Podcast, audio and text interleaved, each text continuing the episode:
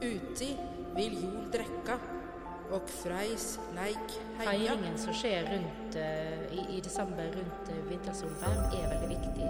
Ikke bare her i Norden, men ellers i verden òg. Eh, nissen han har jo gjerne grå lue, ikke sånn rød lue sånn som vi har, ser nissen i dag egentlig. Han bodde på gården, da. Ja, begynner på en måte å poppe streker den med sies kanskje på det er altså hebraisk. Eh, Det betyr den selvede.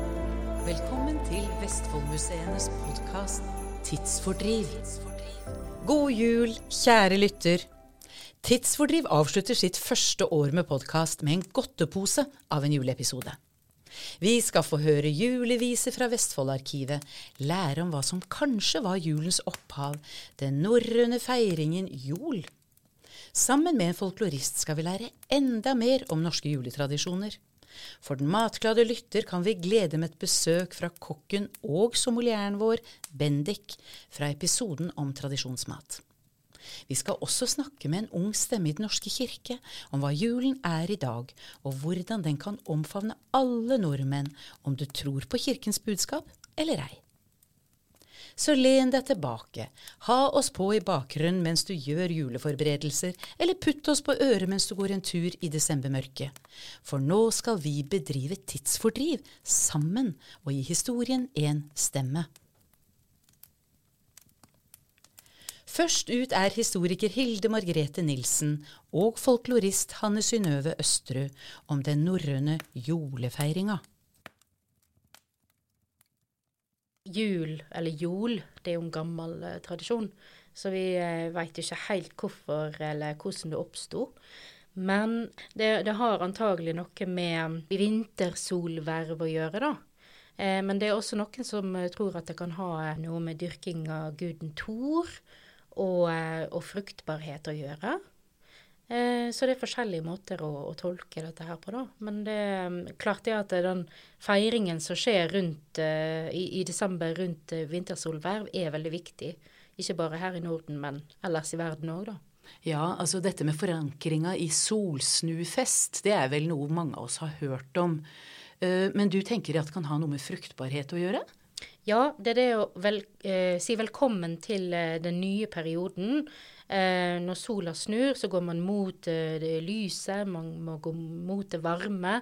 Og man skal jo Alle disse ritualene og, og tradisjonene som vi har, er ofte eh, bundet i det at man ønsker å ha en god avling i løpet av våren og sommeren. Ja, Er det også da en måte å takke for den avling som er kommet i hus, da ja, kanskje? absolutt. Så det er en eh, evig runddans der. Ja, ikke sant. Det er jo det. Årshjulet. Så vi feirer da en fest, for det er det jul er. Det er en fest. Ja. Og det har det alltid vært. Ja, det har jo alltid vært en fest. Det er jo eh, det er naturlig for mennesker å komme sammen og eh, feire litt. Spesielt når ting er som mørkest, tror jeg.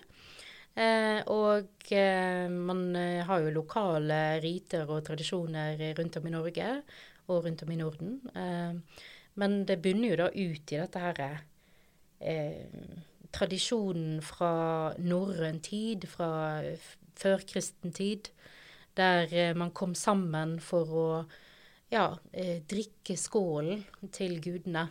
Ja, man drakk øl.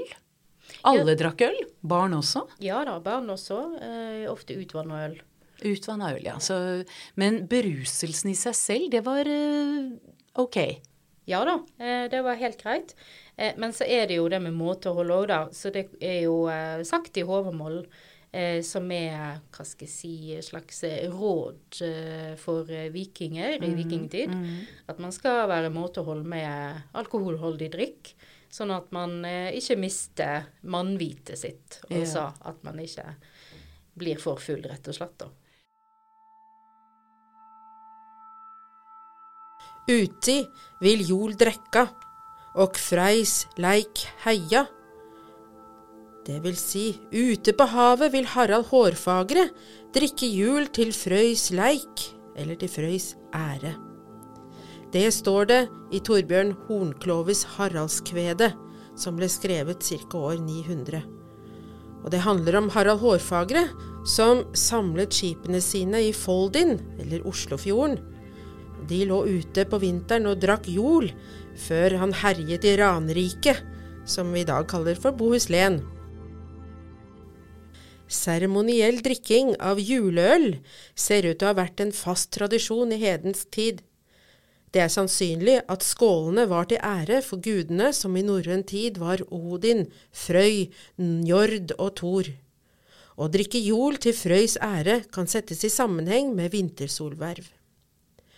Mennesker i alle kulturer, til alle tider, hvor vi er avhengig av å overleve på jorden og naturen, så gir den oss grøde, og, det er viktig å markere periodene i løpet av et år hvor solen snur. Om det er vintersolverv eller sommersolverv, er det magiske tider på året hvor det varsles hvordan året vil bli framover.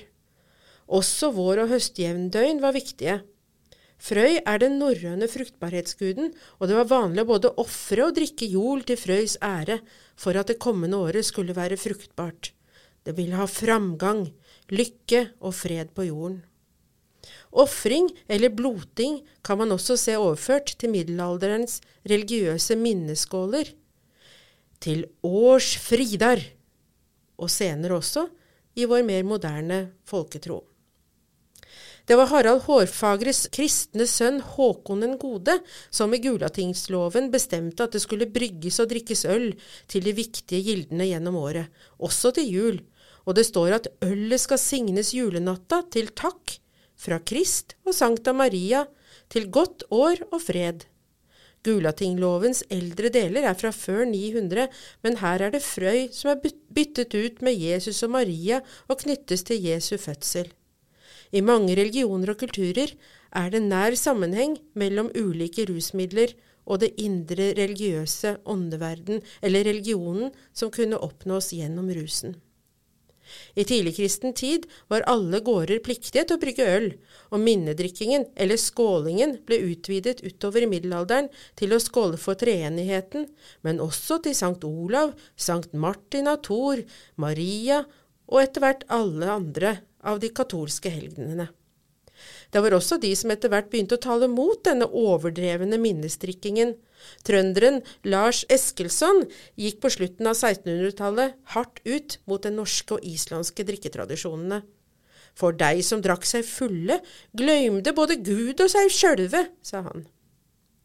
I år 336, under Konstantin den store, ble den store minnedagen etter Jesu fødsel lagt til 25. desember, som var knyttet til solsnu og feiringen av solgudens fødsel i den romerske statsreligionen. Da kristendommen kom til Norden, så var det allerede sammenfallende med markeringen av solsnu, også her i nord.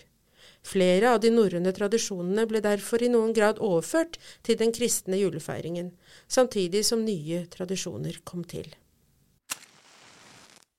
så tenner vi ett lys i kveld. Vi tenner det for glede. Det står og skinner for seg selv og oss som er til stede. Så tenner vi ett lys i kveld. Vi tenner det for glede.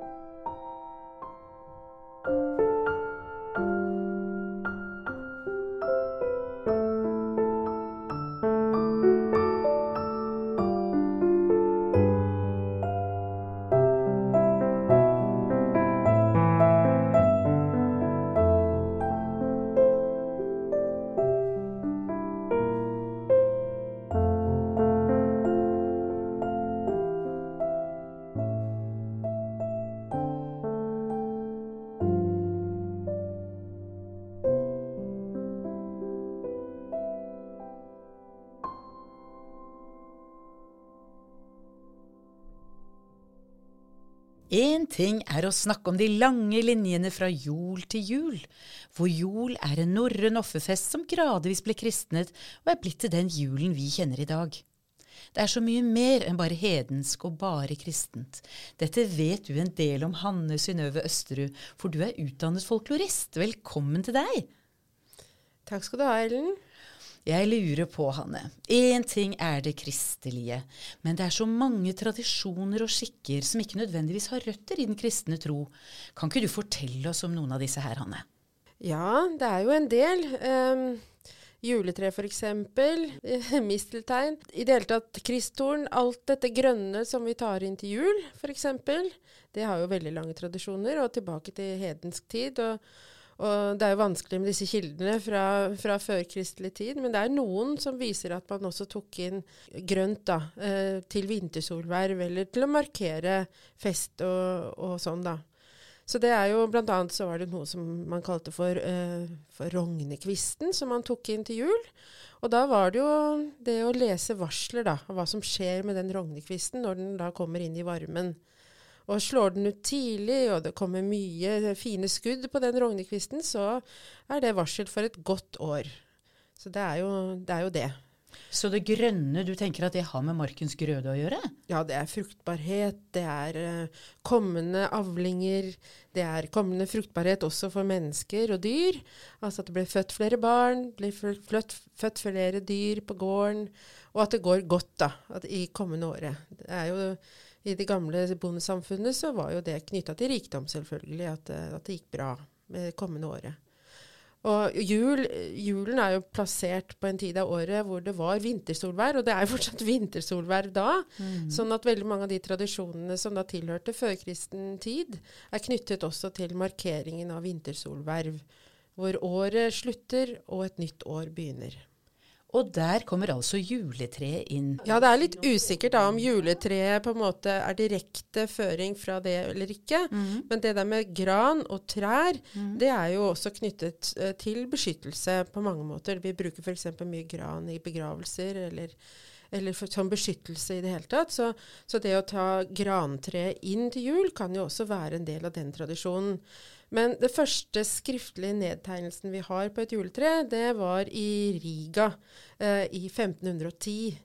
Og, og, da var som sagt første nedtegnelsen, så det er sikkert en eldre generasjon, eh, tradisjon, generasjon ja. tradisjon mm, ja. mm. enn det. Men, eh, men, det var jo da sånn at dette er jo en del av Hansabytradisjonen. Sånn at de første nedtegnelsene vi finner på juletre, det er knytta til Hansabyer. Uh, og Det er spennende, da. Eller også nedover i, i, Tyskland.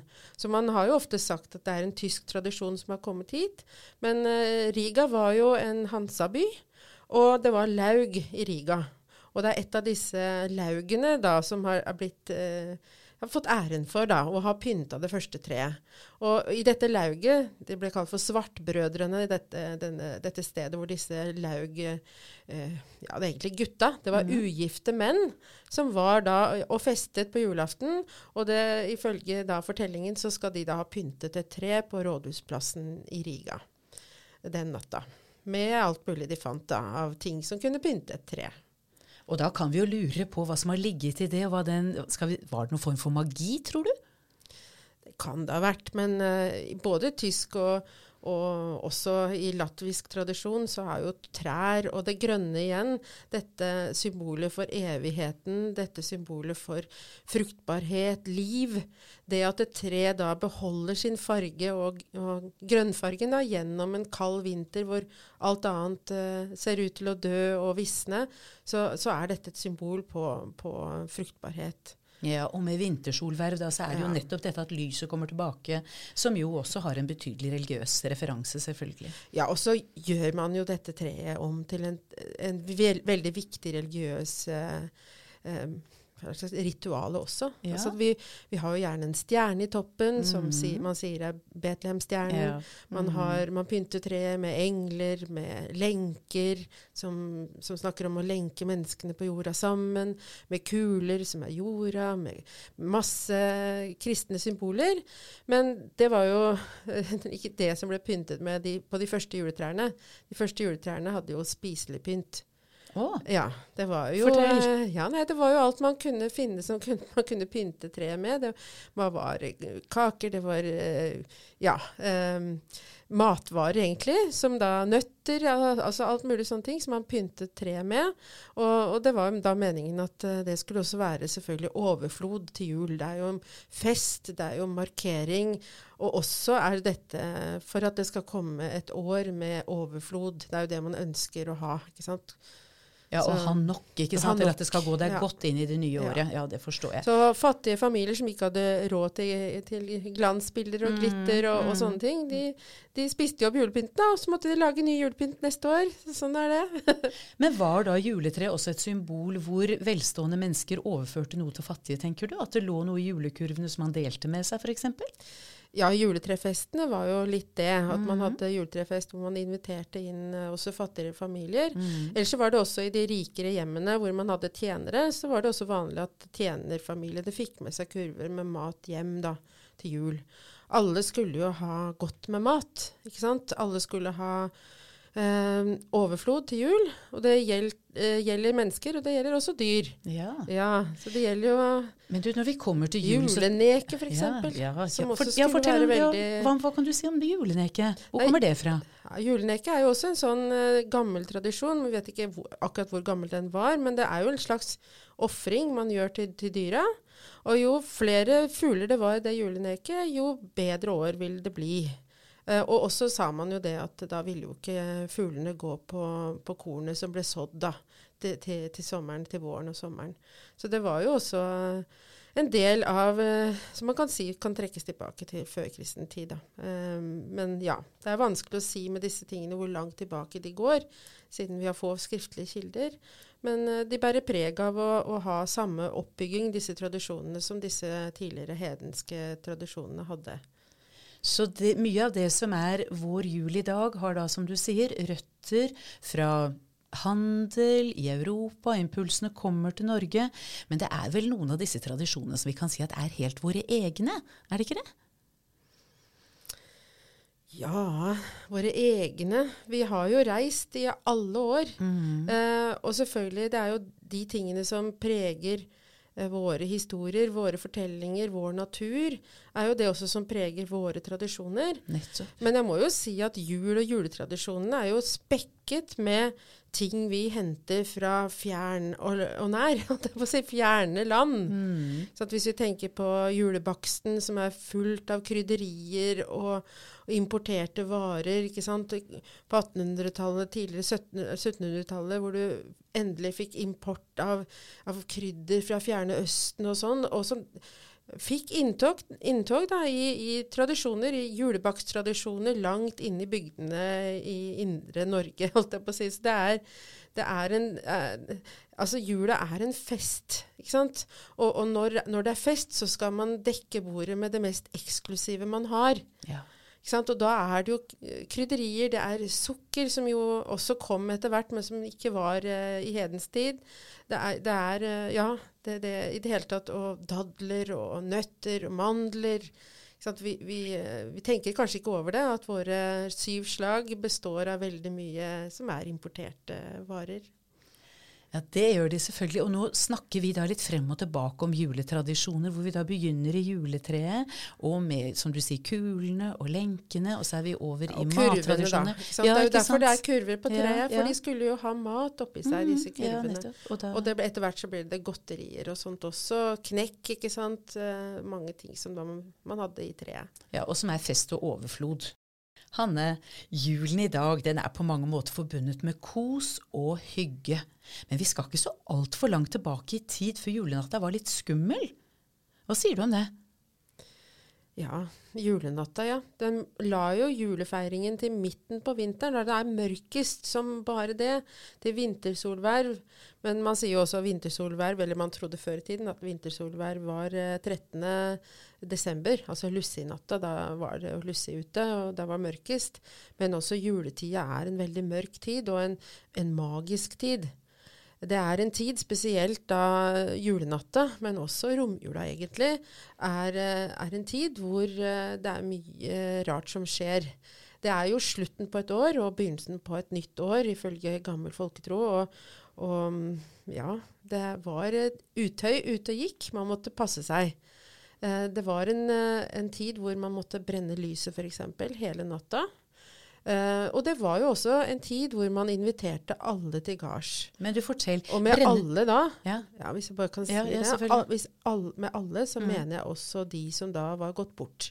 Oh. Altså de som uh, var gjenferd, eller dauinger som de også kalte dem. Eh, og det kunne være den første haugbonden, f.eks. Den første haugbonden er jo den som rydda garn i sin tid.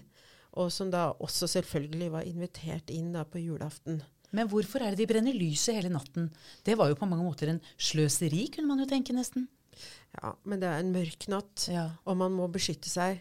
Å, så det ligger beskyttelse i dette? Ja, lys er veldig mye beskyttelse i. Mhm. Eh, og jeg snakket om også om juletre og gran, hvordan det er beskyttelse i det. Men det er også beskyttelse i lys. Det som blir lyst opp, det er jo ikke skummelt.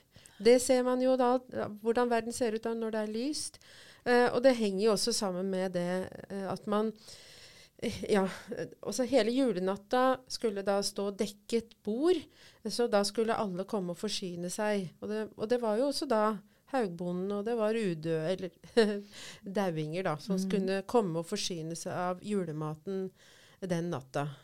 Og jeg vet ikke hvordan du har hatt det hjemme hos deg, Ellen, men dette med tørre julekaker og nøtter og sjokolade og konfekt og sånn som står på bordene gjennom hele romjula egentlig, er jo litt fra den samme tradisjonen. At alle skal kunne komme og forsyne seg da. Og da var det også sånn at denne natta, julenatta, så kunne det være at de som bodde på gården, måtte sove på gulvet den natta. I halmen da, som man hadde lagt på gulvet sammen med einer og granbar og sånn, så sov man heller utenfor senga si den natten. Og da kunne da disse dauingene og haugbonden, som da senere ble kalt for nissen, kunne sove i senga den, eh, den natta. Så det var en måte å invitere tilbake en slags raushet i det? da? Eller var det frykt, tror du? Raushet, eh, ja. Men det var veldig viktig å være på godfot. Ja. Spesielt med nissen. Mm. Ikke sant? Det er jo litt, eh, og det kan man jo kanskje også si er å trekke tilbake igjen til, til førkristen tid, til, til ofring. ikke sant? Man, man måtte ofre litt også til nissen på julaften. De fleste har jo kanskje hørt om dette å sette ut grøt til, til nissen på låven. Og, og det å gi nissen et skikkelig godt smørøye f.eks. i den grøten, er veldig viktig. For nissen, han kan både være slem, og han kan være god. Han kan være god og passe på dyra gjennom året og, og sørge for at det går bra med dyra og sånn. Men han kan også være skikkelig tverr og nesten djevelsk eh, hvis han ikke ble tatt vare på. Så det der med å sette ut, da, som du sier, altså det å gå ut av sin egen seng, og det å sette ut grøt til nissen, det er rett og slett ikke å være raus, det er drevet av litt frykt. Ja, det tror jeg er både òg. Er ja, mm. både en raushet fordi alle skal ha det godt Ja, i jula. Ja. Eh, og, og, og det er viktig. Også nissen. Eller også var jo nissen en del av de underjordiske også. Så det var jo også underjordiske som skulle ha det godt i jula. De underjordiske, du. Her er det noe som hører fortida til. Ja, men jeg har eh, kjent mennesker som fortsatt har trodd på underjordiske også i dag. Å ja, det er jo rundt oss overalt, men jeg Ja. tenker vi snakker ikke like mye om det, eller de er ikke en like naturlig del, kanskje, av vår hverdag i dag. Så når du da nevner da sånn som det var litt ekstra skummel tid, kan Mm. du si noe mer om hvilke krefter det var de var altså, i, på vakt for, da, for å si det sånn? Ja, eh, mange har kanskje hørt om Åsgårdsreia, som kunne komme faren gjennom tunet. Åsgårdsreia var jo bl.a.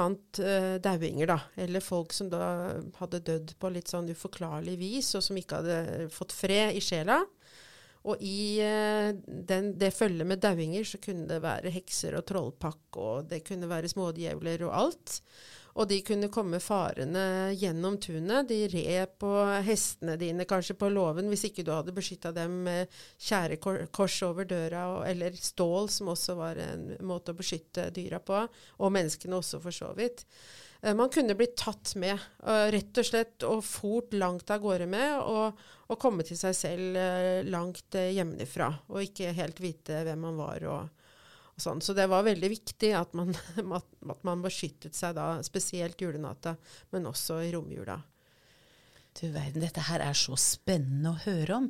Så mange av våre tradisjoner, slik du da har studert og, og lært om og, og deler med oss nå, det er et behov for beskyttelse, det er et behov for nærhet, og samtidig så levet de da i kontakt med, med, med de døde.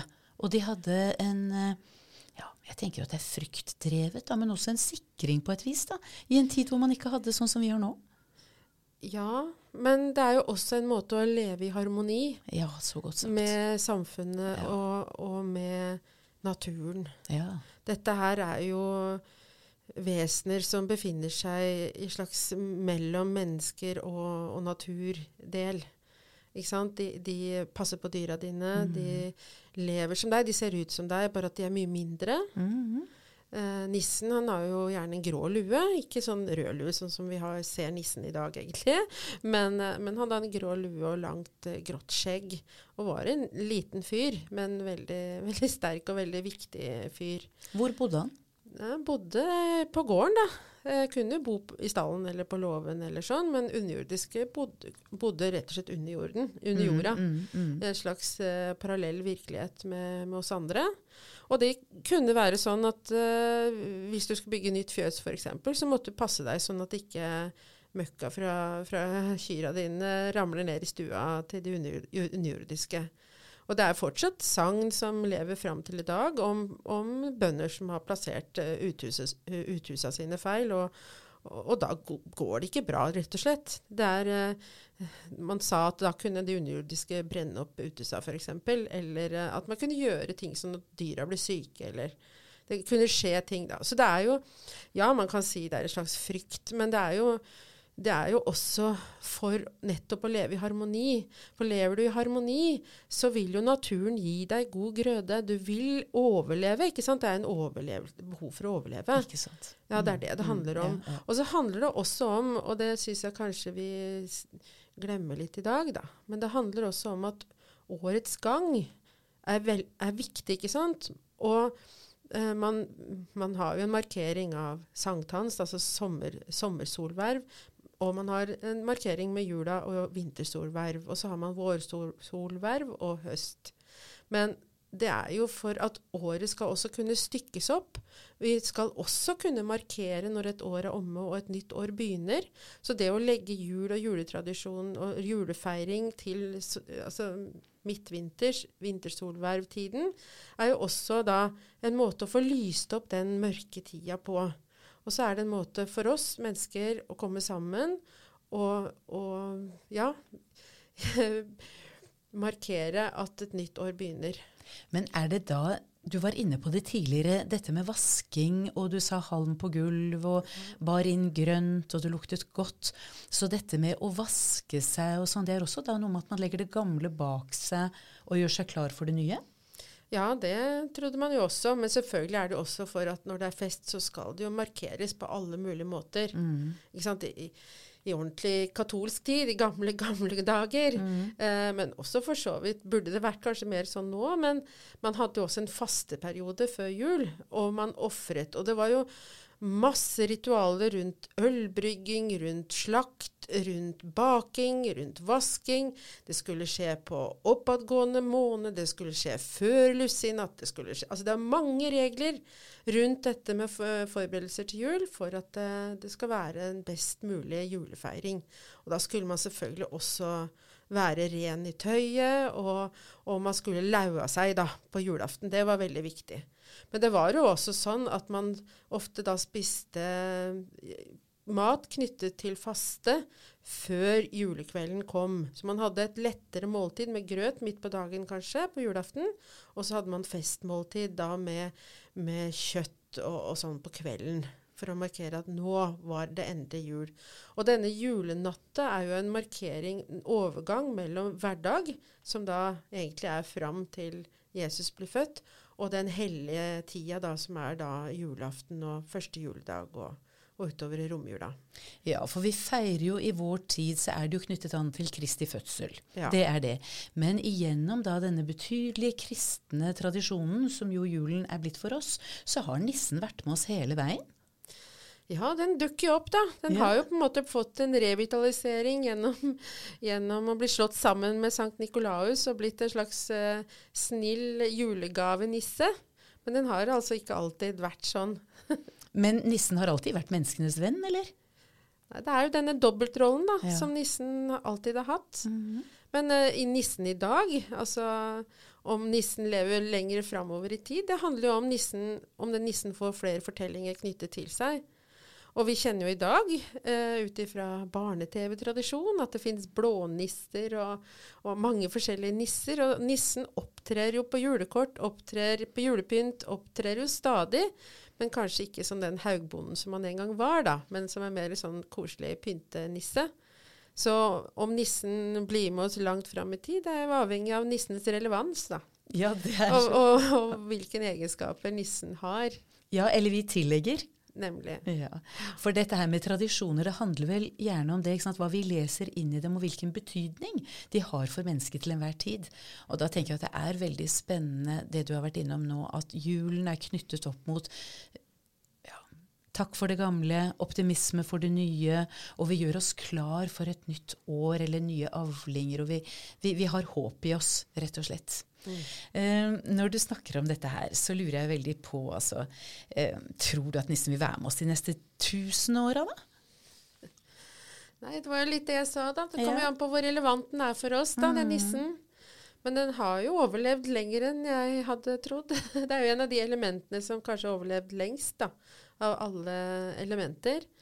Eh, og så er det jo spennende å se, da, fordi dette her er jo Vi er jo mennesker som utvikler nye tradisjoner hele tiden. Vi adopterer nye tradisjoner. Men også er det jo, er jo tradisjoner, og, spesielt kanskje julefeiringen, knyttet til, til familiens uh, tradisjoner. Så mm, 1000 år er kanskje langt fram i tid. Jeg vet ikke akkurat hvordan verden ser ut om 1000 år. Den har jo endret seg voldsomt på de foregående 1000 årene. Så kanskje litt vanskelig å se om nissen blir med oss helt fram dit. Ja. Men i en eller annen form, kanskje ja. Vi har jo st stadig vekk i dag eh, ting som er uforklarlige, som vi forklarer på vårt vis. Bare at vi sier ikke at det er eh, vetter og haugbonder og huldra og sånn, men vi sier at det kanskje er noen utenomjordiske eller hvem det nå er som er eh, rundt oss, som ikke vi kan se, og som vi kan merke av og til. Ja, for menneskene har behov for noe av dette her i livet, kan det jo se ut som. Og nissen har jo da vært en seiglivet liten skikkelse som vi forholder oss til hele veien. Det, vi har snakket mye om tradisjoner, og julen er jo helt klart en høytid som utvikler seg med stadig nye kulturelle innslag. Og den trofaste tidsfordrivlytteren vil kanskje huske at det var arbeidsinnvandring til fabrikkene på Berger. Du har jobba med Berger, Hanne, har du ikke det? Ja, det har jeg gjort. Og jeg har spesielt jobbet med en familie som het Bullen, eller Bullen som det het på engelsk. da. Ja, Så de kom fra England De til kom fra England Mm. til eh, Berger for å jobbe ved Fosseklem fabrikk. Da den da sto ferdig Eller den var ikke helt ferdig da, når Mm. vi kom. Eh, Det var jo jobben til West Bullen og, og hans eh, nest eldste sønn Thomas eh, å montere eh, da maskiner kjøpt i Oldham i England da i 1889.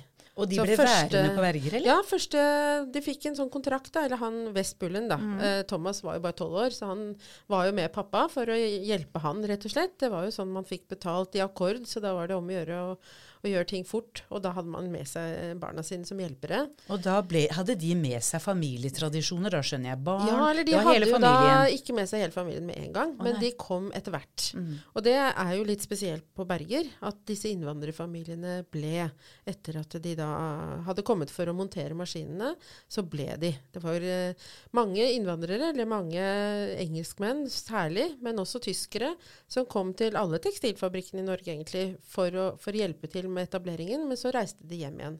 Men, det var Men på Berger da- ja. ble man, Mm. eller ble de. Ja, Ja, det var jo flere engelske familier som, som da ble på Berger.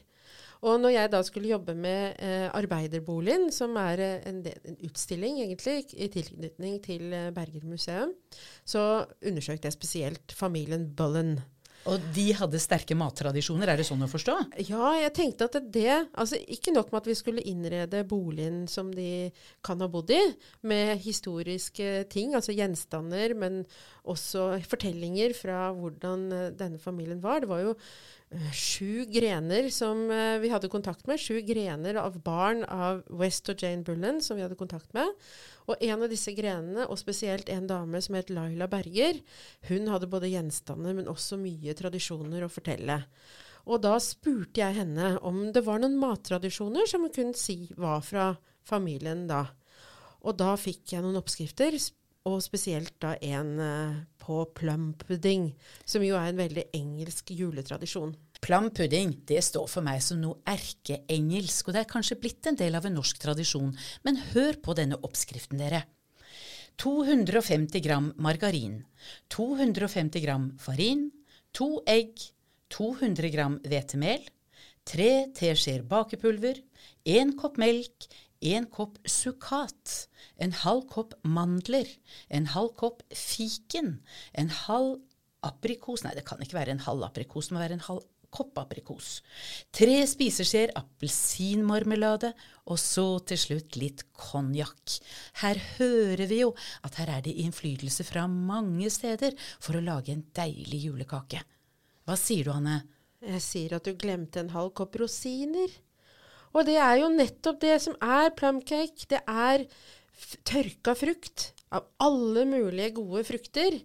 Og plum, det er jo et gammelt eh, middelaldersk betegnelse for egentlig tørket frukt på engelsk. Derfor heter det plumcake. Selv om den ikke inneholder plum, altså plommer. Nei, ikke sant, for det kan jo være litt villedende for oss. Ja, Men eh, barnebarnet kalte dette for kaka med det gode i. Selv, og det var konjakk til barna? Det var konjakk i denne kaka. Og det er jo sånn at hver engelske familie har jo sin oppskrift på plumcake. Og noen av disse oppskriftene, der skulle man også flambere kake etter Altså når man serverte den, så skulle den flamberes. Så da var det viktig at det var litt konjakk i. Og eller at det ble også helt konjakk eller noe annet alkoholholdig drikke over kaka når den skulle serveres, sånn at den kunne serveres da flam, flambert. så det er noen ritualer rundt dette? Ja da, det er det. Og Når når man skulle lage, Når lages i god tid før jul, sånn at den virkelig kunne få trukket til seg alle godsaker. Og da, den spiste man første juledag, som jo er den engelske juledagen, kan man si da. I Norge feirer vi jo julaften 24., men i England så er det jo 25. eh, desember som er liksom juledagen. Og da har denne gode kaken ligget og godgjort seg, og folk har gledet seg til høytiden når de endelig kan skjære i den og dele den. Ja, da skulle man servere den med litt sånn custard, eller oh, ja. vaniljesaus. Eller noe sånn type brandyaktig mousse. Eller det skulle være et eller annet litt ved siden av, da. Den er jo veldig tung, den kaka. Men eh, jeg har lagd den, og den er veldig god. Men var det noe rituelt rundt at det var noe sånn som at far delte ut, eller man samlet seg rundt bordet? Kjenner vi til noen sånne tradisjoner? Nei, det var jo som en slags dessert, da. Ja, eh, etter at man har spist turkey, gjerne, som er eller, eller kalkun, da, som er ofte det man spiser i England eh, til jul. Eh, Så det var jo som en slags dessert, da, eller en, en julekake som for så vidt varte hele jula gjennom. Den er, den er ganske tung å spise, så det, man tok bare et lite stykke av gangen. Ja, for da varer den lenge. Og det er jo noe med dette som du har vært inne på tidligere, at julekakene de er laget slik at de skal frem, eller de skal være en del av oss gjennom hele det vi kan kalle juleuken. For det er jo faktisk en hel uke vi snakker om, er det ikke det? Jo, jula varer jo til 13. dag jul. Eller, Å ja, så det er enda ja, lenger. Egentlig så varer den jo til det. Mm -hmm. Men vi er veldig raskt ute i dag med å ta ned juletreet lenge før egentlig det skal tas ned. Og man, skal tas ned? Hva mener du med det? ja, man, man, hvis man har stjerne i toppen, så må man i hvert fall vente til 6. januar. Ok. Det, er jo all, det er jo da de, disse tre um, Hva heter det igjen, da? Disse Balthazar Ja. og Melchior og disse uh, hellige tre konger kommer fram til krybben. Og de blir jo ledet av Betlehemstjerna, som er jo den som vi har i toppen av treet. Så hvis man tar ned juletreet før, så kommer jo ikke egentlig disse fram da, i tide. Akkurat. Der kan du se Hellige tre kongers aften. Ja, Hellige tre kongers aften heter det jo. Og det er 13. dag jul, er det det? Ja, det er jo det. sj- 6. januar. Og noen vil også dra det så langt som å si 20. dag jul. Ja. 13. januar, vel, er det Ja, ikke det? Da mhm. går jula ut med Knut, eller noe sånt det heter. Så, det er noen tradisjoner rundt det, men uh, igjen er det kanskje ikke alle tradisjoner vi har videreført like mye, da. Så har vi blitt litt uh, influert av andre kulturer, som du nå trekker fram engelskmennene. Og vi har jo i Vestfoldmuseene noe opplegg på det. Altså hva er det som er engelske tradisjoner innført på, på Berger? Men uh, hva er det egentlig som er uh, innført også i våre tradisjoner? Ja, for det er jo blitt globale, vi også. Mm.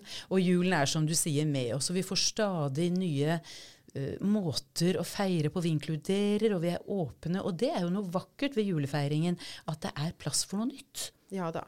Og vi tar jo inn da f.eks. det som vi har sett i engelske og amerikanske filmer. Eh, tenkte jeg bare skulle nevne for å knytte båndet rundt fortellingen her. Så er det jo mistelteinen. Den duk, dukker jo opp i alle engelske og amerikanske filmer til jul, hvor man kysser under denne mistelteinen.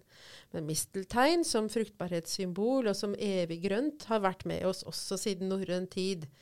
Og for de som er interessert i vikingtid og norrøn tid, så husker man kanskje da fra fortellingene om gudene i den norrøne gudeverden at Balder ble da drept av en mistelteinpil.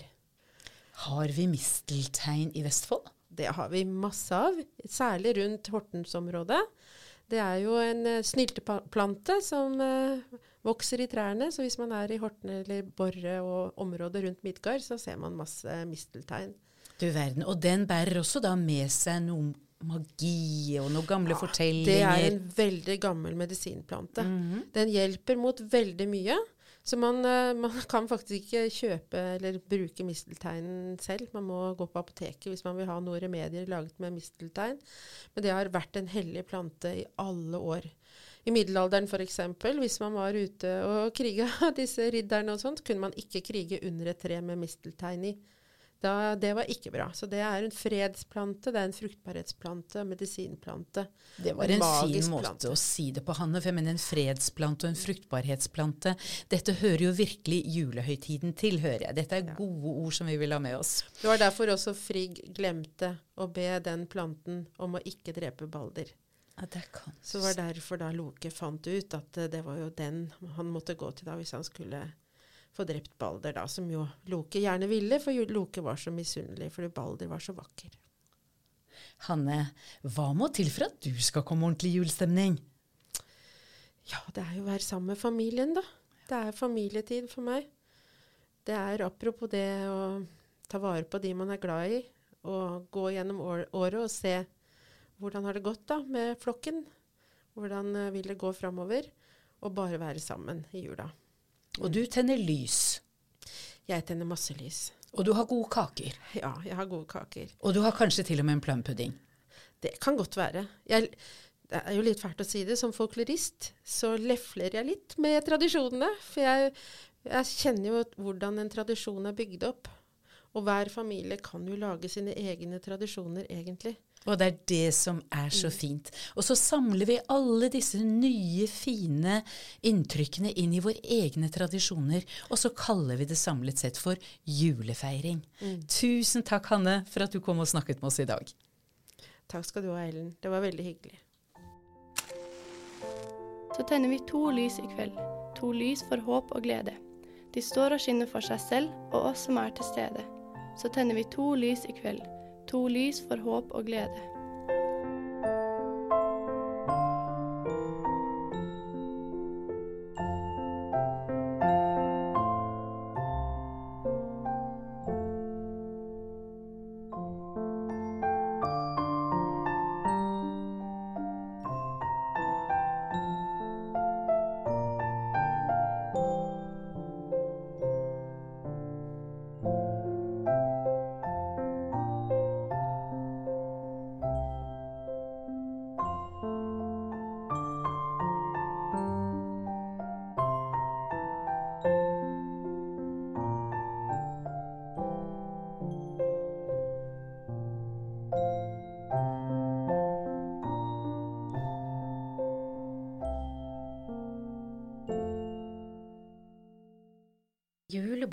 Det er Vi vet jo ikke helt når det starta. Restene av julebukken eh, her i Norge har vi jo fremdeles, og det er det å gå julebukk.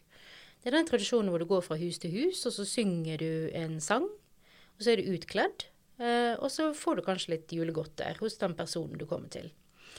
Um, det gjorde i hvert fall jeg når jeg var liten. Ja, det tror jeg mange av oss har gjort, faktisk. Ja. så det er jo utrolig koselig. Um, men uh, originalt så var jo julebukken kjempeskummel, og um, var ofte en voksen person som hadde en skinnfell, eh, over seg, og så hadde en, en maske som var lagd av strå og halm og kanskje litt uh, ja, forskjellige biter av pels, sånn at det ble veldig skummelt for ungene. Har du ikke hår på legga og lår, så har du en dott i raua. Kan du si hva, hvordan den ble brukt? Ja, den er brukt på julebok på, når unger, nei, voksne går julebukk på Andøya. Og da eh, holder de fram koppen sin etter at de har sunget den, og så sier, dere, sier de til de som har åpna døra Vil dere ha en sang til? Og da sier de som har åpna døra nei takk.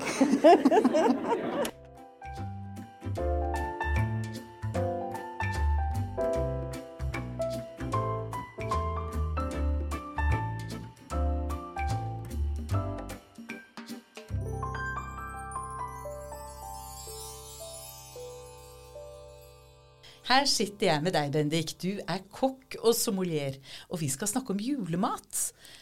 Kan du noe spesielt om det? For vi spiser jo mest gris, gjør vi ikke det? Det gjør vi absolutt. Tradisjonelt sett så er det, så er det ribbe på julaften. Har du selv spist ribbe, eller? Det har jeg. Hvert år siden jeg, siden jeg, så lenge jeg kan huske, har jeg spist, spist ribbe bl.a. på julaften. Og nå kan du litt ekstra om det. Nå kan jeg litt ekstra. I voksen alder så er jeg blitt utdannet kokk, og da har man en interesse om å kanskje utforske litt eh, av det tradisjonelle, samt litt eh, kanskje utradisjonelt. Men har det forandret seg særlig da, eller spiser vi stort sett på samme vis som vi alltid har gjort? Vi spiser stort sett på samme vis. Den tradisjonelle ribbemiddagen er eh, lik eh, per dags dato for min del i hvert fall, som det var for eh, 30 år siden. Men det fins kanskje det samme tilbehøret også, eller? Det finnes eh, det samme tilbehøret, ja. Så det er jo spørsmålet om man eh, legger til litt, eller forandrer litt på utførelsen av, av eh, den tradisjonelle julemiddagen. Kan du da være så snill å ta oss igjennom det? Hvordan lager vi denne gode julemiddagen? Vi får, altså Ribben ofte tilberedes først noen dager før, hvor man ruter opp svoren på toppen, altså fettet, eh, og salter og pepper, og lar den stå eh, et par dager i det. Det må stå kaldt, da. Stå kaldt, ja. Kjøleskap eller en kald kjeller eller, mm. eller noe sånt, et svalrom. Så, så er det jo da den legges på en rist hvor den eh, bues på en måte i formen, sånn at eh, svoren blir, eh, kommer klarere frem i disse rutene sine. Så stekes den eh, i alt fra et par timer til eh, et døgn, hvis du ønsker å ha en langtidsstekt. Ja, langstekt mat, det hører med tradisjoner, gjør det ikke det? Det gjør det. Så det er, eh, da steker man den til den er ferdig, eh, uansett om, den, eh, om det tar et par timer eller, eller veldig mange. Men noe som er veldig viktig, er jo dette med sprø svor. Det er veldig vesentlig. Ja. Eh, for de som er veldig glad i det crispy, det er jo, det er jo ikke så veldig tiltalende med mykt fett på toppen av, eh, av ribba. Så det å få til en skikkelig sprø knekk i eh, toppen, det, det er viktig. Men det er da bare noe som skjer akkurat de siste minuttene før du tar den ut. Ja, det begynner på en måte å poppe når man eh, steker den eh, med høy varme på toppen. Så kan noen avslutte med sånn grillelement f.eks. på komfyren for å få den ordentlig crispy. Men da er det viktig å følge med, sånn at det ikke begynner å svi seg. Ja, Og det er da akkurat det samme om du har valgt veldig langstekt ribbe eller om den er kortere stekt, for det er de siste minuttene som sagt som er avgjørende der. Absolutt. Veldig viktig. Ja, altså Dette med crispy topp, det er suksess eller ikke suksess. Det er sånn en god og en dårlig kokk skilles, er det det? Det er det. Men tilbehøret, det, det er ikke så vanskelig. Tilbehøret er, eh, det kan være enkelt hvis man eh, kjøper mye av tingene ferdig, som man ofte gjør. Det er jo rødkål gjerne, og eh, diverse grønnsaker. Altså man kan, Normalt sett så er det jo rødkål og Rosenkål, kanskje? rosenkål ja, og Ja, poteter. Og gjerne et eh, element av et syltetøy av noe slag, eller gelé. Ja, ikke sant. Ripsgelé har jeg vokst opp med. Men du, hva med, hva med surkålen, da? Surkålen er eh, en del som bruker, og noen som ikke bruker begge kål, eh, kålene. Og så må vi ha sennep. og så må vi ha sennep. Ja. Og hva slags saus har du til? Vi har gjerne en skysaus eh, som du har altså Når du steker ribben, så, får du en veldig, så har du en væske under ribben i formen. Så hvis du eh, bruker den og tykner den litt, så er det en veldig fin saus til å til, for det er veldig mye smak på. Men er det da sånn at du, sant, du var inne på dette med, med kanskje ripsgelé, og så vet jeg at noen bruker tyttebærsyltetøy, og andre har også hatt eh, svisker, at det er godt med sødme til svin? Ja, det er tradisjonelt sett mange som bruker eh, svisker. Det Mhm. er nok noe som går litt vekk eh, i eh, yngre generasjoner nå. Mm. Men sødmedelen er viktig.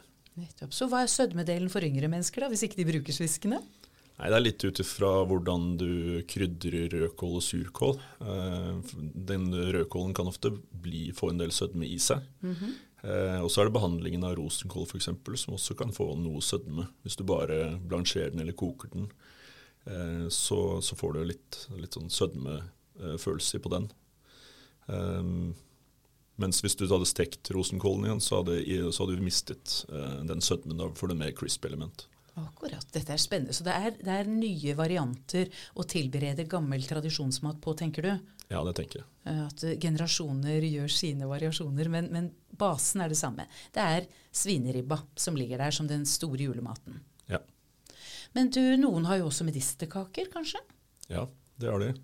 Det er jo en, eh, Enten om man kjøper det ferdig, eller om man har medisterfarse, så man eh, tilsetter krydderier selv eh, for å lage medister, medisterkaker.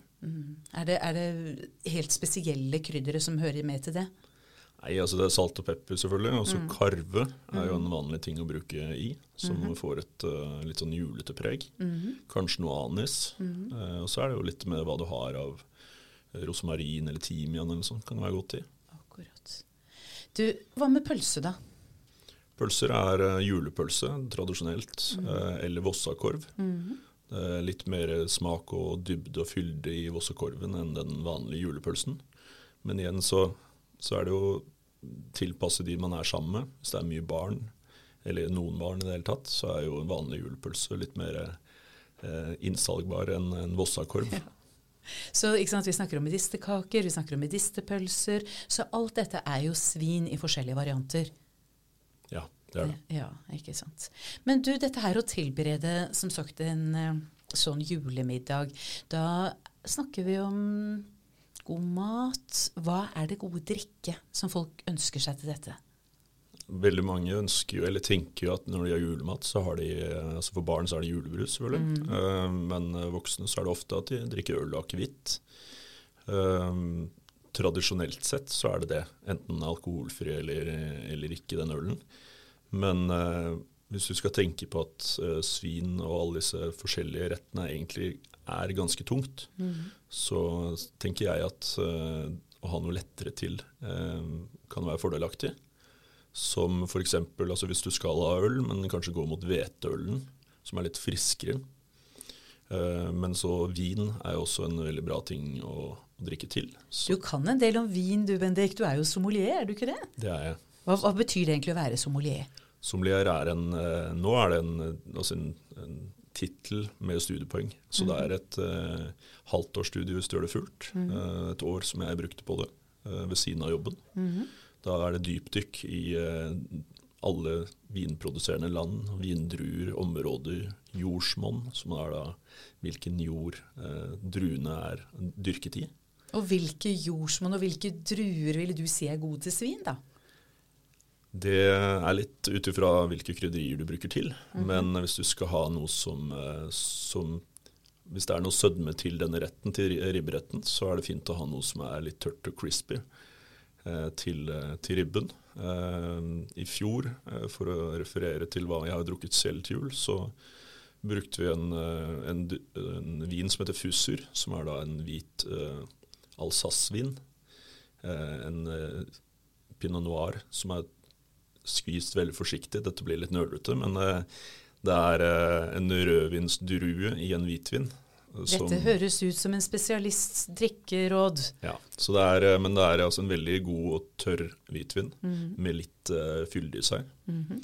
uh, Rieslinger generelt, uh, slanke og fine, kan passe godt til det. Hvis du liker litt mer fylde, så er det litt dyrere Rieslinger som kan være godt til dette.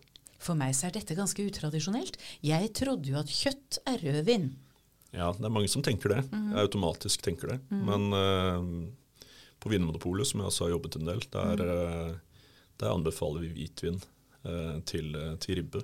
Så spennende. Så det er, ikke sant, ting forandrer seg, gitt. Det er ikke de gamle sannhetene er ikke alltid med, men har dette da å gjøre med, som du sier, at vi kanskje krydrer på nye måter, og vi lager nye tilbud? For det er nye måter å lage ribben på også, ikke sant? som er kommet til de senere årene? Det er det absolutt.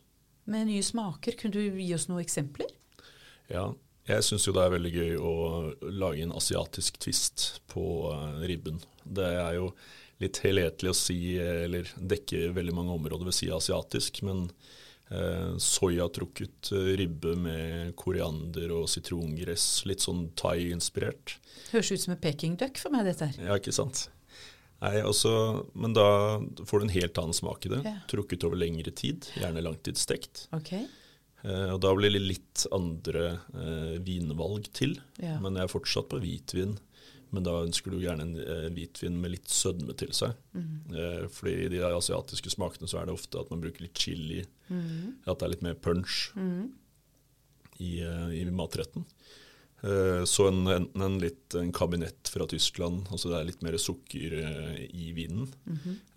eller en amerikansk Riesling, f.eks., er, er veldig deilig til. Dette her er jo veldig spennende hvordan vi som sagt bevarer tradisjonsbasen, og så tar vi til oss nye måter å tilberede det på.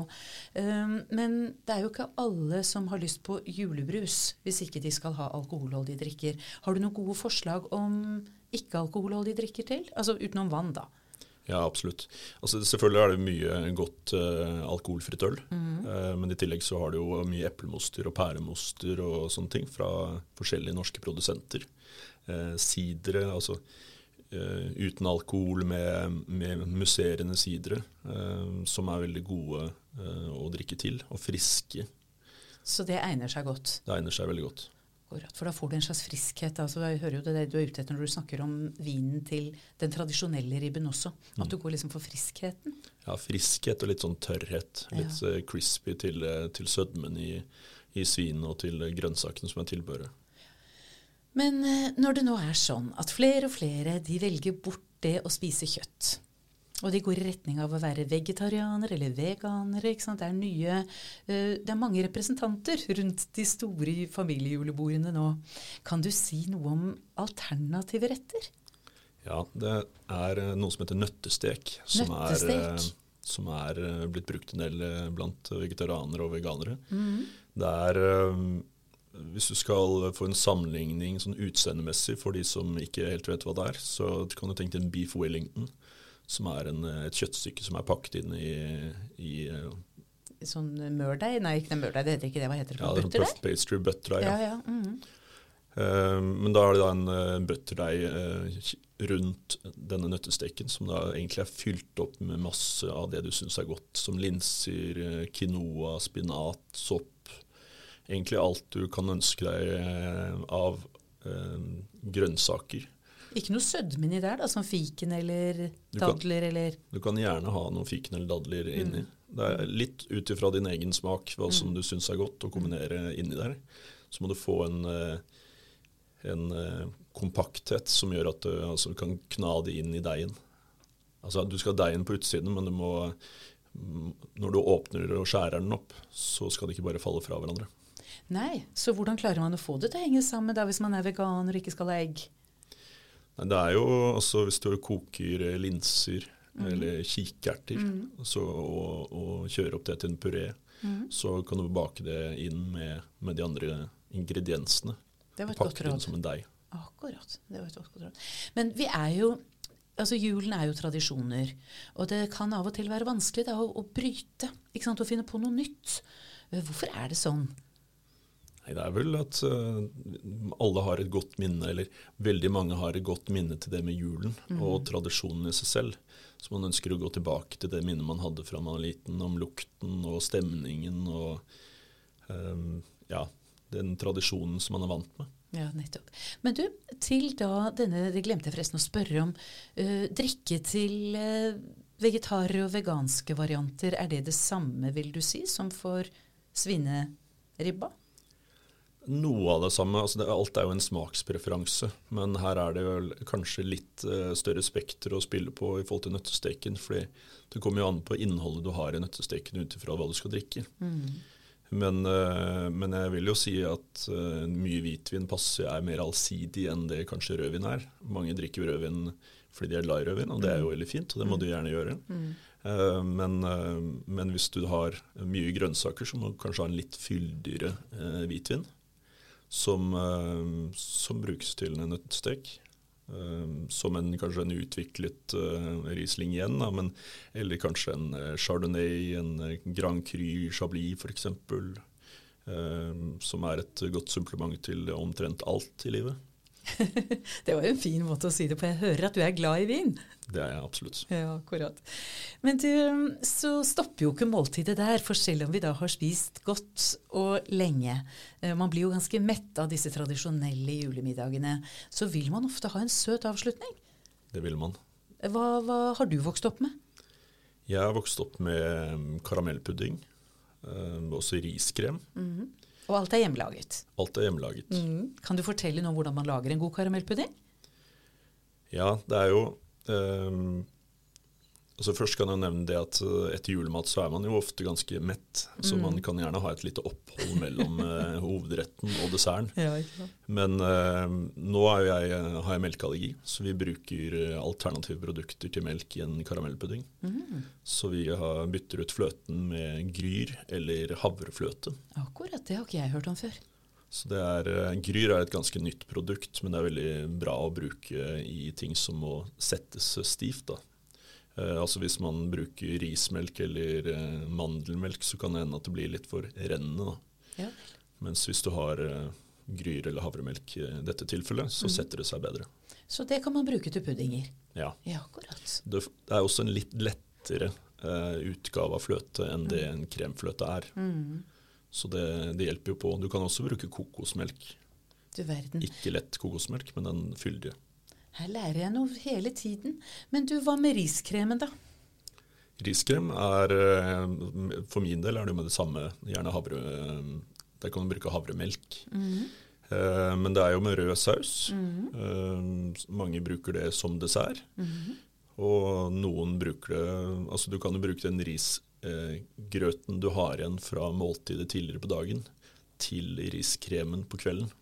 Så det er jo veldig bærekraftig å bruke alle restene i Ja, det er veldig fint, det har du helt rett i.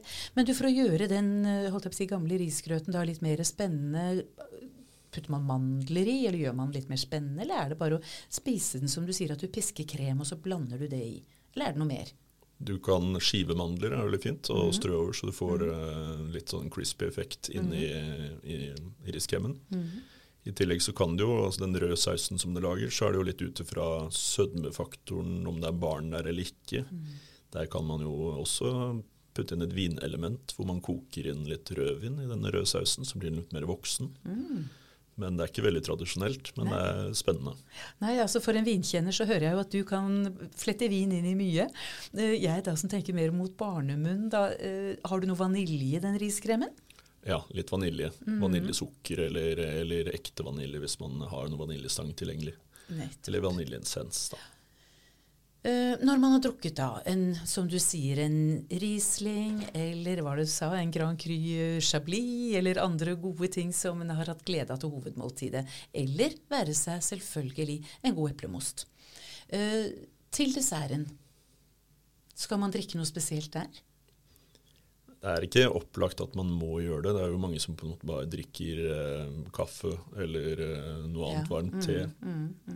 Men eh, det kan være godt å drikke noe lettere noe. Eh, samtidig som noen ønsker litt eh, sødme hvis de har eh, Altså Til en riskrem så kan du godt ha en dessertvin f.eks. Eller du kan, for de som ikke drikker eplemos til, til middagen, kanskje vil avslutte med noe friskere noe til desserten. Eh, Men tradisjonelt sett for min del så er det jo kaffe. Altså kanskje Ja, man har en jeg lurer av noe slag. Lurer på om de voksne hjemme hos meg drakk portvin? Ja, det kan absolutt være veldig godt til. Det skal jeg ta med meg til eh, årets julemiddag. Ja, akkurat. Og portvin er jo en vitenskap i seg selv, har jeg forstått, akkurat som all annen vin. Definitivt. Det er ikke bare liksom, portvin er portvin. Nei. Men du, helt til slutt, Bendik. Du, hva er det som må til for at du kommer i ordentlig julestemning? Er det nå da rett og slett portvin jeg minnet deg på? Nei, det er nok ikke det. Eh, Jeg trenger ikke inkorporere vin i alt av eh, sysler. Men, eh, Nei, det er når vi kommer til advent, første advent, og jeg kommer ned i stuen og det knitrer i peisen, og Kurt Nilsen er på settspilleren, da er, det, da er det jul for min del. Du verden, Kurt Nilsen. Jeg tenker jo at det er en ganske ung juletradisjon. Ja, Man har jo hørt mye av den samme musikken eh, i alle tider. Eh, og min bakgrunn i restaurantbransjen, så, så har det man hørt veldig mye på en del av det. Eh, og, og går kanskje litt lei. Mens eh, Kurt Nilsen sine julelåter, de eh, hører jeg kun eh, i noen uker hvert år. Som, eh, som da sikkert om 20 år kanskje ikke er like aktuelt. Og da er jeg kanskje lei av han også. Men eh, akkurat nå så syns jeg at eh, det er veldig flott. Så med andre ord, god musikk hører julen til. Absolutt. Takk skal du ha, Bendik. Fra gammelt av så er det noen som sier at når ølet går inn, så går vettet ut, men trøsten er at hver som drikker får sitt vett igjen. Jeg har lurt mye på dette med brygging av øl. Var det forbundet med overtro? Var det noe magi og magisk der? Ja, det er jo en magisk prosess. Det å eh, ta korn og gjær og vann og sånn og lage det om til en eh, drikk som eh, kan få vettet til å gå ut av, rett og slett. Ja, så det var mange magiske råd ved ølbrygging. Og det var ekstremt viktig før jul. Eh, og det starta jo normalt en eller to uker før jul, og så antagelig to, da, for å få være sikker på at eh, du hadde det klart. Og det første var jo det at eh, du måtte passe godt på ilden. Ja, og hvis du ikke passa godt på ilden, så kunne han eh, ta hevn med å skolde ølet ditt, sånn at det ble brent smak i det. Å låne gjær, eh, det var også en gammel tradisjon. At du lånte gjær av noen andre til ditt eget øl. Spesielt hvis dem sitt øl var veldig godt. For da kalte du det å låne lykke. Eh, for de trodde ikke det at eh, det var eh, en Hva skal jeg si Det var ikke personen som kunne lage godt øl. Det var ikke den personen som lagde ølet som var flink. Det var lykken. Det gikk lykke i ølet. Så hvis det var et godt øl, så da var du heldig eller hadde lykke. Fikk kunne det ha noe mer overført betydning at du fikk lykke? Altså at da når du da drakk ølet, så tok du del i den gode, positive følelsen, da? ja, Så det kan man hyggelig. godt Så si. hyggelig. Ja, og så var det også når du var ferdig med ølbryggingen, så skulle dyr og vetter også få sitt. Eh, og da var det veldig vanlig at man tok en kvist nedi ølet, en bjørkekvist, kvist, og så eh, spredde det rundt i ølbryggerhuset. Det er jo forskjellige plasser man hadde det, men noen hadde et eget hus, og noen gjorde det i eldhuset, f.eks. Så spreier man den rundt, og så sa jeg ja, i Guds navn, nå har alle fått sitt. Og det var veldig viktig å beskytte øltønna når du fikk det oppi tønna, da. Eh, med kors og med stål. Og det var fordi at eh, vetter og troll og nisser og andre overnaturlige vesener ikke skulle få tak i ølet. Eller det skulle ikke bli dårlig øl. Det er jo en spennende ting du sier nå, så her har du både kristentroen, hvor du beskytter med religiøse eller tydelig kristne symboler, og så har vi med oss da troen på disse som bor rundt i krokene på gården og bidrar på godt og vondt til at det blir en fin feiring. Ja, det er en herlig blanding.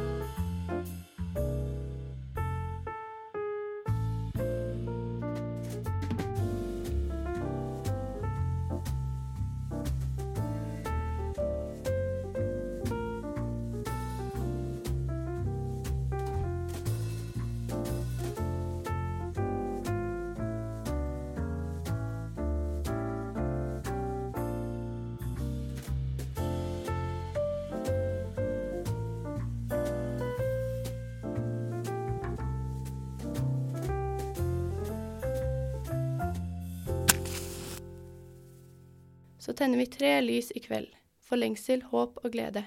De står og skinner for seg selv og oss som er til stede. Så tenner vi tre lys i kveld, for lengsel, håp og glede. Så langt i denne episoden har vi snakket om tradisjoner med lange røtter til førkristen tid. Men julefeiringen er jo faktisk en markering av Jesu fødsel. Med oss for å snakke om akkurat dette har vi teologistudent og ansatt i Den norske kirke, Ola Sørensen. Velkommen til deg, Ola. Veldig hyggelig å være her. Ja, det er kjempehyggelig at du tok deg tid til å snakke med oss om dette. For du jobber faktisk med trosopplæring, du. Ja, jeg jobber mest med barn og unge, og prøver å formulere litt kirketeologi og tro til dem. Teologi, du. Forme teologi for barn og unge. Det må være en krevende jobb. Ja, det er det. Og teologi er jo et vanskelig uttrykk Ja. som ikke alle har et forhold til. De fleste har hørt det, Ja. men kanskje ikke helt vet hva det betyr. Nei, det har noe med kirke å gjøre. Ja, det er akkurat det det er. Mm. Eh, Det er systematisk tolkning av religiøse kanoner. Å, kjære vene. Systematisk tolkning av Hva sa du? Religiøse kanoner. Kanoner. Hva er en kanon? Ja, alle barn skjønner det med en gang. Oh, Nei, gjør de? Nei, de gjør ikke det. Kanon det er en samling av tekster. Ja. Eh, Det kan være religiøse, eller så kan det være lover, tror jeg Altså, det kan kalles kanon. Så kanon er bare en samling. eh, Og eh, Bibelen er jo da en religiøs kanon. Det er en samling av flere bøker. Akkurat. Ja, ja. Så, så Bibelen er en samling av kristne religiøse tekster. Ja, jødiske, og vi har 66 bøker i den lutherske versjonen av Bibelen. da. Mm -hmm. uh, og de fleste av dem er fra jødisk tradisjon. Mhm. Jeg er ikke det. Jeg er over halv, halvparten, da, for Ja, å ja, si det sånn. ja. Ja. Så det er litt av hvert å henge seg opp i der. Mm. Og det finnes mange systemer å gjøre det på, da. Mange, Man sier systematisk, sier jeg. Ja, det sa du. Ja, og jeg syns at mange har forskjellig tilnærming til det, og hvilke metoder man skal bruke. For meg så er det språk og historie er det viktigste, da. Språk og historie. Mm. Og der kommer da dette her å sette disse, for oss vanlige, da, eh, vanskelige tekstene inn i noe som er fattbart for oss, rett og slett. Mm. Og vi hørte i denne sendinga tidligere vakker opplesning av, av adventsvers. Mm. Er det et typisk eksempel på, på hvordan vi gjør de vanskelige tekstene mer forståelige? Ja, jeg syns salmer det er, og sanger som vi ja, synger i kirka, er gode metoder på å prøve å på en måte lyse ut noe da, som er viktig for oss i den tida vi er i. Ja, og så deltar vi jo. ikke sant? Mm, Altså, det er noe med mm. at vi, at vi blir aktive inn i å, å, å eie den teologien som er vanskelig. Ja, og det er der liturgi kommer inn. Det snakker vi om i et nytt ord. ja, det er, når vi snakker om de tinga vi gjør på en gudstjeneste, så Mm. kaller vi det liturgi, da. Nytt. Og det betyr menneskearbeid. Så Ja. Mm. når du kommer på gudstjeneste, da skal du jobbe litt. Og det gjør du med salmesang, da. Fordi da er du med. Det er ikke teater. Nei, ja, det er nettopp. Du er en aktiv deltaker, som sagt. Mm. Og, da, og da eier du kanskje dette som kan fortone seg vanskelig. Mm. Men du, dette her fortoner seg vanskelig. Kristendommen kom til Norge for 1000 år siden omtrent. Ja, ja. Hva var, hva var det før det? ja, det var jo norrøn mytologi og ja, mye forskjellig. Altså, det er ikke det jeg er ekspert på i det hele tatt. Men, Nei, men jeg tenker Nei. kristendommen. Mm, ja, er, å, ja, sånn, ja. ja. mm. Kristendommen har jo en lang tradisjon. Det er ikke tusen 1000 år. Nei. Eh, Det begynte jo for 2000 år siden. Og Ja. det begynte jo før det òg. Jødedommen er, og jødiske tekster er helt avgjørende for oss òg. Det er en grunn til at vi beholdt dem. Eh, Det var en diskusjon eh, når kanonen ble satt sammen. Skal vi ha med de jødiske tekstene? Ja, jeg. Og jeg syns det var et kjempefint svar. Mm. For når Fordi at det viser linjene bakover, og at det Mm. da som er vår julefeiring i dag, Mm. som da er markeringen av Jesu fødsel, Mm. den går tilbake eh, da svært Mm. lenge. Og så kommer den og reiser den langt av sted, og kommer Mm. helt opp hit til utposten av Europa. Ja, eh, med, med nytt innhold. Mm. Eh, kan, du, kan du si noe om når Altså kirken, kirkeåret. Mm. eh, når begynner det? Det begynner første advent. Da er det nyttårsaften for kirka. Da. Mm. da begynner vi et nytt kirkeår. eh, og bygger oss opp til Jesu fødsel.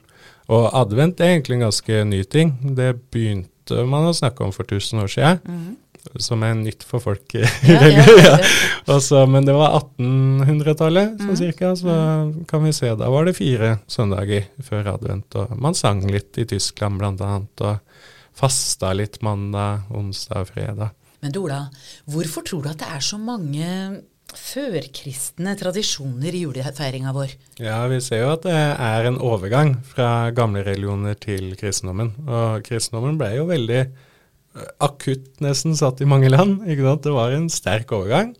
Og land er, eh, og folk er basert på sine tradisjoner, ikke sant? sine lover. Det er det som gjør oss til folk.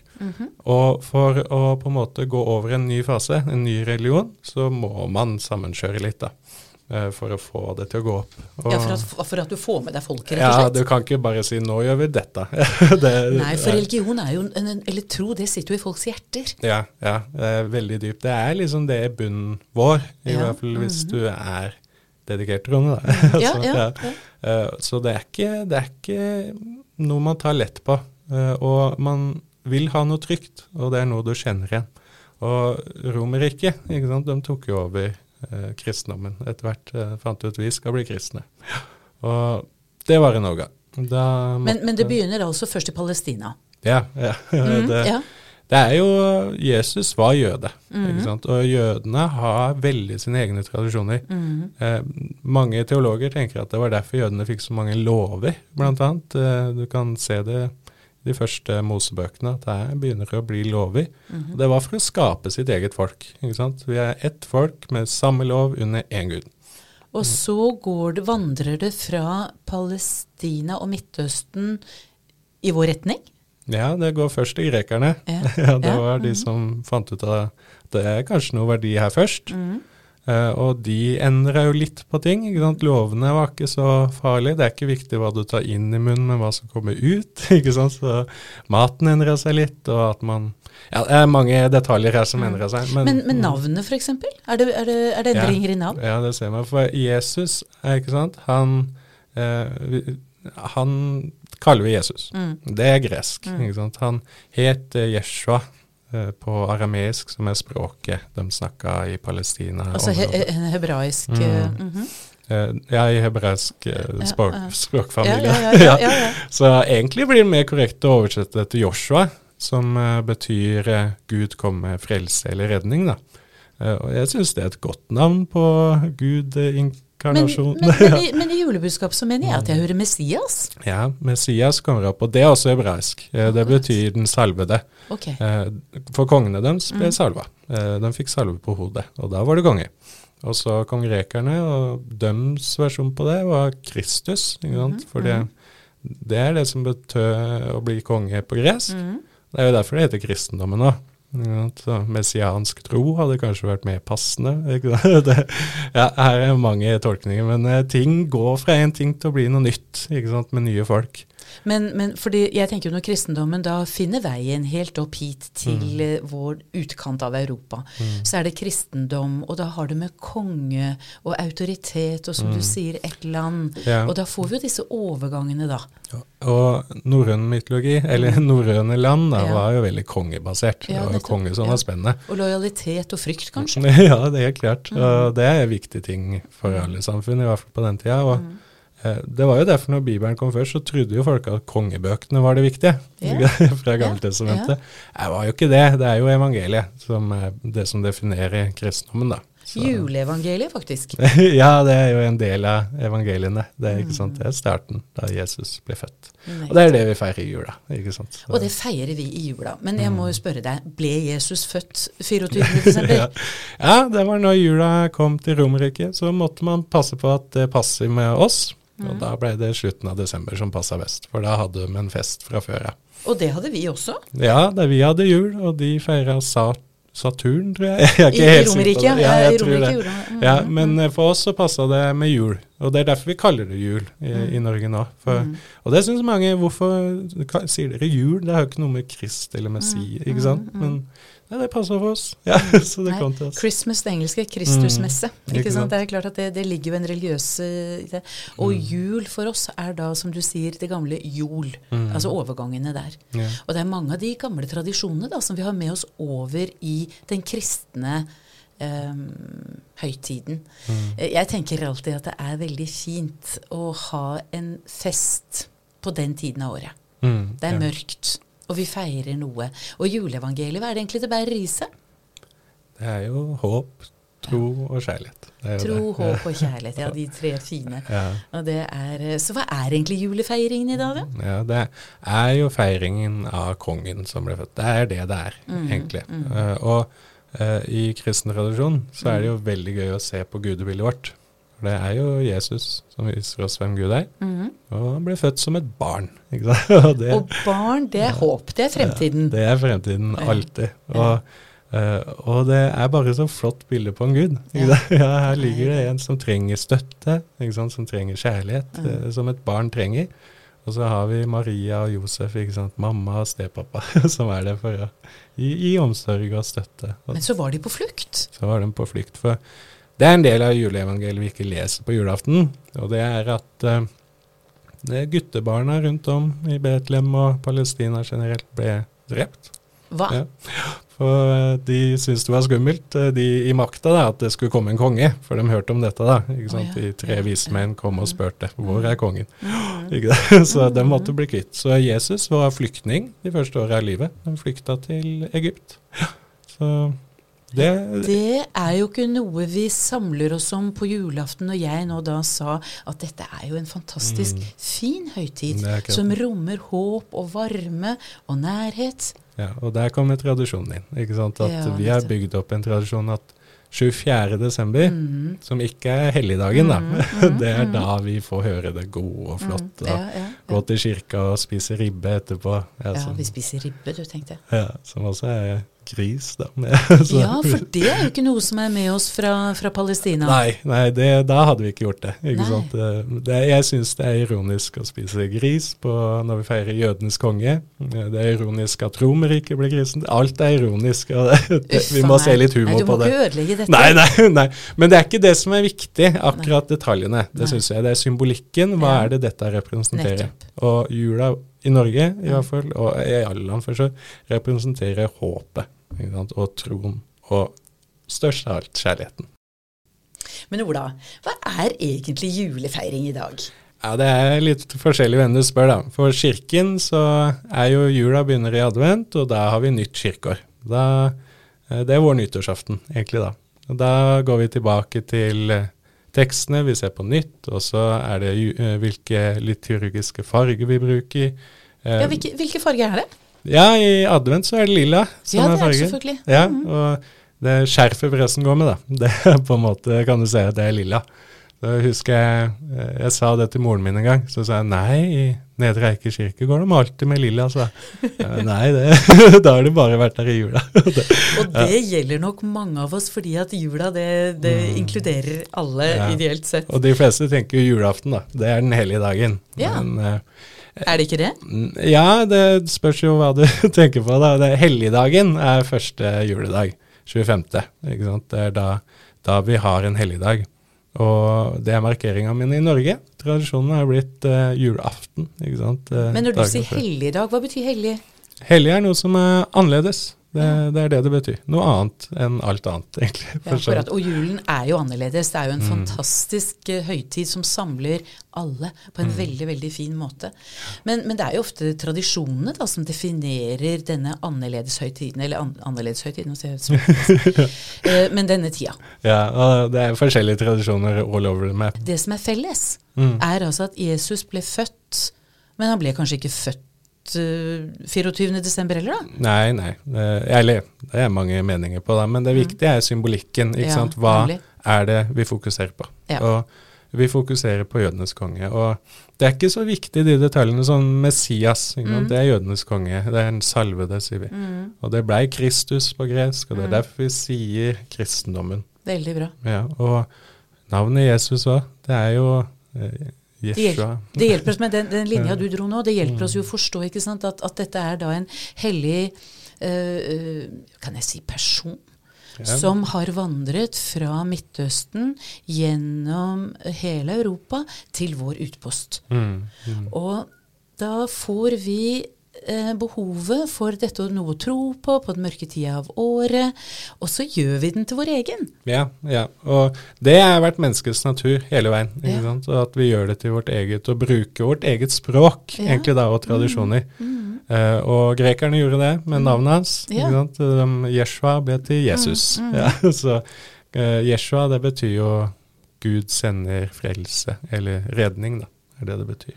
Og så går det fra jul til jul. Ja, akkurat. Og, eh, men i bunn og grunn så handler det om kongen som blir født. da. Det er det jula er.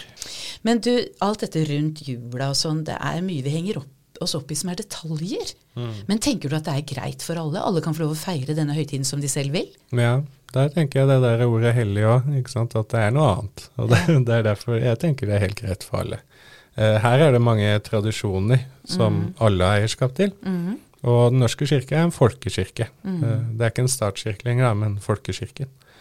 Eh, og det er for folket vårt. Uansett hvem du er, hvor du kommer fra, bakgrunn, ståsted, så er det tradisjoner som egentlig definerer litt det å være norsk. Det er jul. Jul, ikke sant? Det, det feirer vi når det er kaldt og mørkt. Så På vår måte. På vår måte. Og uansett hvem du er, så tenker jeg at har du lyst til å feire, så er jo det kjempefint. Så er du velkommen, rett og slett, Mm, i kirken. Ja, og det, hele verden har sin egen måte å eh, feire jul på, Mhm. uansett. Og noen land som ikke er kristne engang, feirer jo jul fordi det er så flott. I Japan, husker jeg, da var det der drar de til KFC og Mhm. spiser fritert kylling. og så husker jeg jeg ble spurt en gang Å, har dere kristne også jul?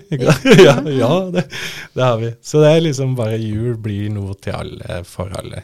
Og da, og da ligger det kanskje noe Det du sier nå, er at det er noe grunnleggende menneskelig i det der behovet for å komme sammen og ha et håp. Mm. Og, og lede seg fremover og ha noe å, å strekke seg etter. Og da blir det trygt og fint da, med julehøytiden, og som da begynner, som du sa, med kirkeklokkene som ringer klokka fem. Da vet vi alle sammen at nå er annerledestida her. Ja, ja, nå ringes det inn, og det blir stillhet over landet, og vi går sammen med de vi er glad i, og spiser litt ekstra fint. Ja, Og så gir vi hverandre gaver. Ja, ja det var, jeg, skal ikke glemme det. Jeg er veldig glad i gaver. Ja, Hva, hva, hvordan opplever Kirken dette med gaver? ja Det spørs jo sikkert hvem du spør, men eh, ja, gaver eh, Gi eh, kjærlighet, og har du to kapper og en har ingen, så gi den. Ikke? Så jeg tenker gaver er bare bra. At, at vi deler. Det er det som er poenget. Ikke sant? At vi deler brød, vi deler Mm, mat, vi deler mm. Så gaver kan jo komme i mange former. Jeg vil jo også tenke at Kirken eh, nettopp da gjennom sitt rituale gir jo gaver fordi det er en stille stund. Og at, at vi deler tanker også. ja, ja. Og sang. Veldig og det vakre. Ja, veldig fin måte. Og dette her med himling over livet, for det er jo noe med, som jeg tenker kirkerommet, da, med alt det det, det, det har i seg. Mm. At der sitter det lille mennesket i det store rommet. Og det rommer noe for alle oss, sant? uansett hvem det er. Så kom gjerne til kirka. Jeg hadde min eh, filletante, tror jeg jeg kaller det. Ja, hun er muslim fra Bosnia, og hun var med på julaften uh, i kirka. Og det var veldig gøy å se, ikke sant? for alt var nytt for henne. Og så sang vi den 'Nå har vi vaska gulvet'. Spurte jeg hvilket språk er dette ordet? Ja, ja, så det er fint. Men, men hun følte seg inkludert. Hun følte seg inkludert. Og det, det som er litt gøy da, med sånn uh, islam og kristendommen, det er litt artig, for vi kan se det i fremtida. For jeg mener at i 2023, nei 2033, ja, da er id eh, faller på samme tid som julaften. Og id, det er Eh, slutt på ramadan, fastingen, og da skal de ha tre dagers fest, tror jeg det er, med masse den muslimske høytiden. Ja, så det er det du sier. Så da Ja. får vi et sammenfall mellom den kristne høytiden og den muslimske høytiden. Ja, og vi har jo Vårt folk eh, Ja. er jo symbolisert eh, Eller er jo både kristendom og islam. mm. Så det blir nok en folkefest. Ja. Ja, det blir, og da blir det nettopp at vi samler oss i dette fine hvor vi deler, og vi får håp, og vi har fremtidstro, forhåpentligvis, da. Alle Og- sammen, for det trenger vi jo. Ja, og tradisjoner kommer jo fra et sted, og jeg har troa på at eh, det året der så blir det plutselig noen nye tradisjoner som vi lager sammen, da. Ja, for vi er i forandring hele tida, men noe ligger fast. Ja, noe er Og fast. for dere i kirken, da, så er det lilla. Lilla, kongen. Og så, ja, ikke sant? Og så leser dere et evangelie Mm, som da treffer, og som vi har hørt likt i mange, mange år. mm, ja, I 2000 år. I 2000 år, faktisk. Og så er det gjort da eh, med forandringer for hvor vi befinner oss i, i verden. Ja, For jeg tenker på den engelske tradisjonen til Christmas, det er jo til Kristusmesse. Og så sier vi jul, fordi det passer bedre for oss. Yeah. Men du, Ola, hva er det som må til for at du kommer i julestemning, da? Ja, det er jo Julen er jo så mangt, da. Men Ja. eh, jeg har to ting når jeg kjenner at det er, nå er det jul. Mm. Eh, Først må jeg høre på Silent Night, men uh, Tom Waits. Oh, ja. Tom. Ja. Ja, ja. for han lager noen egne vers. Det som, eh, ja, ja, det, Mm. Så den kan jeg anbefale. Det er YouTube. folkekirken, det. Ja, det er folkekirken. ja. Og så på julaften så fant mora mi ut noe lurt et år. For det er så mye herk med frokosten. ikke sant? Det er så mye som skal skje den dagen. Så okay. Hun lager toast. Ja, så da er rett og slett eh, Synnøve ost, eh, masseprodusert loff og gastromat sammen i jernpressa. Da er det jul. Ja, så for meg er det fint. Ja. Så nå har du gitt oss to veldig fine eksempler på folkekirken, Ja, tenker jeg. ikke sant? Altså. Dette her nettopp at det er ikke hvor mye du har råd til, Mm. eller uh, hva det rommer, men det skal romme noe spesielt for deg, som gir deg følelsen av tilhørighet og det gode. Mm. Så kjære alle sammen, dere, lag julen slik at det blir fint for de som er rundt deg og sammen med deg på denne annerledes tida. Tusen takk, Ola. Takk for at jeg kunne være her.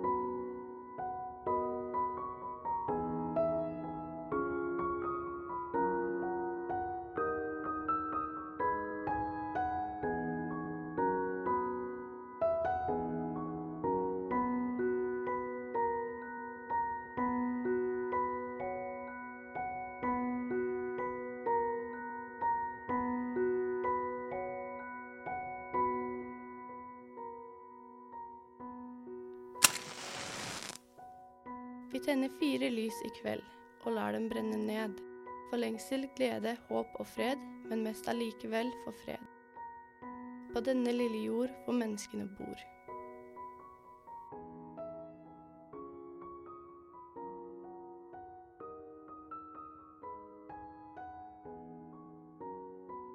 Sitter nå i podkaststudio med en kopp gløgg og deilig julestemning. Snart skal jeg ut i juleferie som så mange andre, men husk at selv om mange får seg en velfortjent juleferie, så er det ikke alle som har fri. For selv om julekvelden kommer og roen senker seg i de tusen hjem, så går verden rundt oss videre. Det er dyktige mennesker som er på jobb. En tekst fra Høyangnytt, som var en bedriftsavis for alle fabrikkene i Holmestrand og Høyanger, utgitt i desember i 1958, så setter de gode ord på dette med teksten Julaften på fabrikken. Gjennom høstens mørke, blåsende og regnfulle dager er det en tid vi ser frem til med glede, julen, med dens glade budskap, feiring av helligdagene og vintersolvervet. Er høstens og førjulens arbeidsdager ofte lange og mistrøstige, bringer juleforberedelsene glede og forhåpning med seg. Vel er ikke juleforberedelsene særlig merkbare på selve fabrikken i Høyanger, men bitte lille julaften ankommer da de første tegn på at det også i år lakker mot høytid. Snekkerne får det travelt med å sette på juletreføtter og rette på de trær som ikke så helt vellykket fra naturens hånd. I det stille er pynten fra i fjor gjennomgått og supplert. Julaftens morgen bringes trærne rundt til alle spisesaler, og snart tennes julelysene som skal brenne til over nyttår og gi høytid også på arbeidsplassen. En stund før dagsarbeideren skal slutte, klinger julesalmen gjennom fabrikkbygningene. Det er fra fagforeningens musikklag, som bringer julestemning til sine arbeidskamerater. Uten uniformer, i hverdagsdress eller arbeidsklær, går de fra avdeling til avdeling for å glede flest mulig. Og når dagarbeiderne går hjem til sin egen jul, står musikklaget også ved porten og spiller. På en bedrift som NACO kan arbeid ikke stanses. Først når ettermiddagsskiftet går på, kan formiddagsskiftet ønske sine avløsere god jul og haste hjem til familien.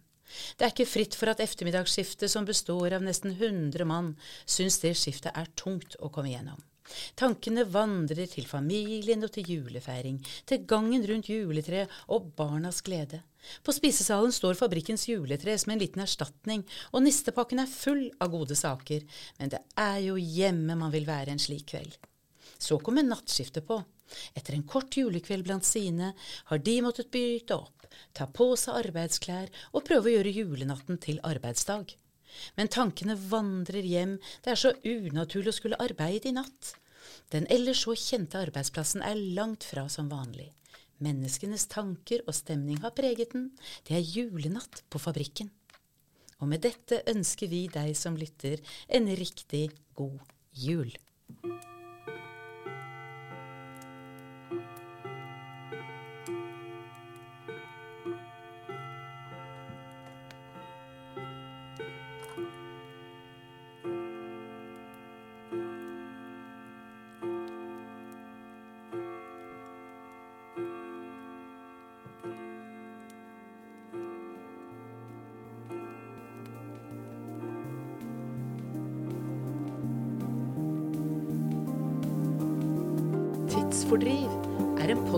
Vestfoldmuseene og er laget av produsent Susann Melleby, lydtekniker Jon Anders Øyrud Bjerva og meg, Ellen Asplin. Ønsker du å kontakte oss?